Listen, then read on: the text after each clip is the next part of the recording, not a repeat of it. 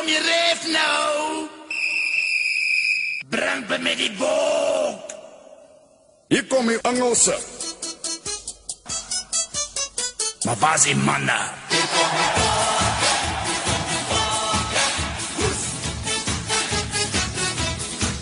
Ja, hier kom ons bokke. Ons almal se harte klop behoorlik warm in afwagting op môre se eindstryd teen die Engelse Rose.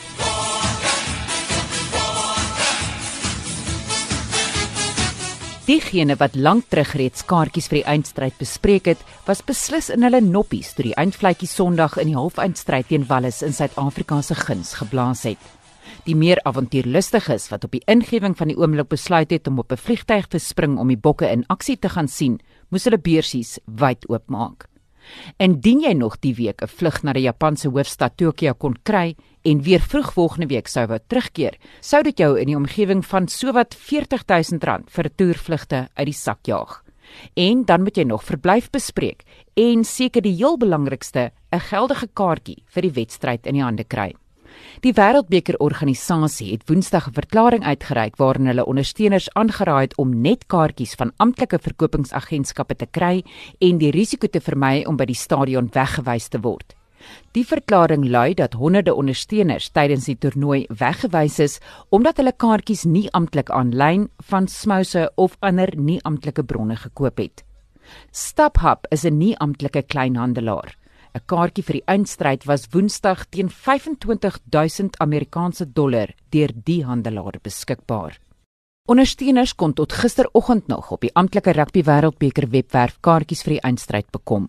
'n Kategorie A kaartjie in die middel van die stadion is op die amptelike webwerf vir sowat R12800 verkoop.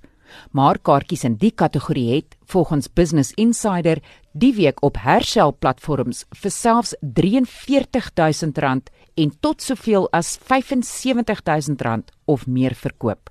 In Suid-Afrika was die reisagentskap EduSport Travel een van net twee agentskappe wat geakkrediteer was om reispakkette wat wedstrydkaartjies insluit te verkoop.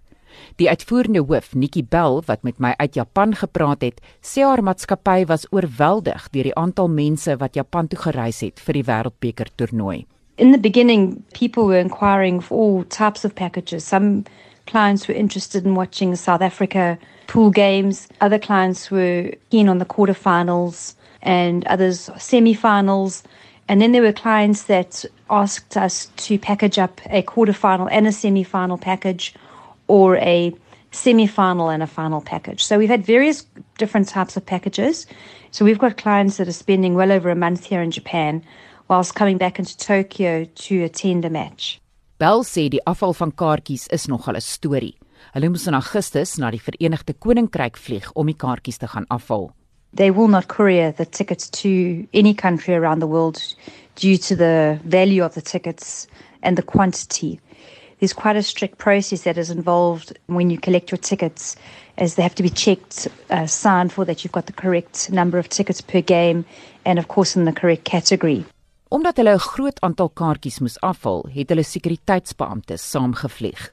We organised G4S security to travel with us to the UK. Once we'd signed for the tickets and checked that they were all in order, we handed over the package, a sealed package, to G4S security, who then carried them in their possession across to South Africa. And then we took them to their offices where the tickets were then counted and uh, sort of audited and verified that they were all in order. What we would then do is bring the tickets over to our office in batches so that we didn't have the full value of tickets in one place. And then we would start our distribution program of all the travel packs to our clients. Maar wat sou gebeur as jy jou baie waardevolle kaartjie verloor? Fortunately, we are able to reprint tickets should a ticket be lost whilst traveling or we've had clients that have actually left their tickets in their hotel and they've realized this on entering the stadium. So the local organizing committee have been excellent in helping us reprint a ticket. We keep a very strict log of who's seated in which seat and block so that we can pinpoint which ticket needs to be reprinted. And then we have to give authority to the local organizing committee to have a ticket reprinted. Bell sê die atmosfeer in Japan is absoluut fantasties. People have dressed up, they have gone all out. I think it's the first time I've seen so many people really go out of their way to dress themselves up to represent their team, their country, and have an absolute blast at the rugby. There's been an incredible camaraderie between the supporters. The singing in the stadiums has been fantastic, and it's just phenomenal to sit inside a stadium amongst the buzz of the supporters. There's truly nothing better than just feeling that vibe and that atmosphere. It's electric. For all the people that took a chance buying the finals packages, I'm truly relieved and happy for them that they're making the trip over here to see our Springboks play.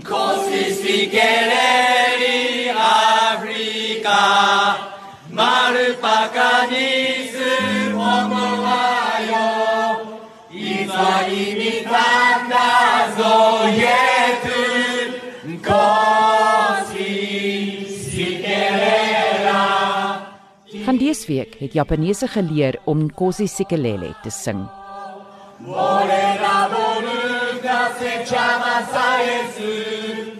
En bel kan nie uitgepraat raak oor Japaneese se gasvryheid en behulpsaamheid, hoe skoon die land en hoe lekker die kos is nie.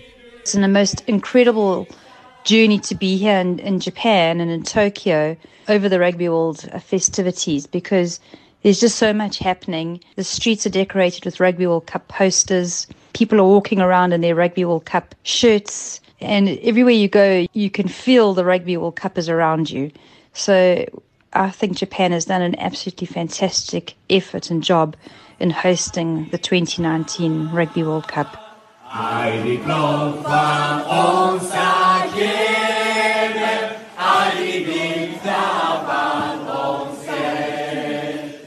As 'n nasie klop ons harte warm vir Rassie en ons bokke. Mag ons môre as die beste span uit die stryd tree. Ek is Estie de Klerk vir SAK nuus. In Suid-Afrika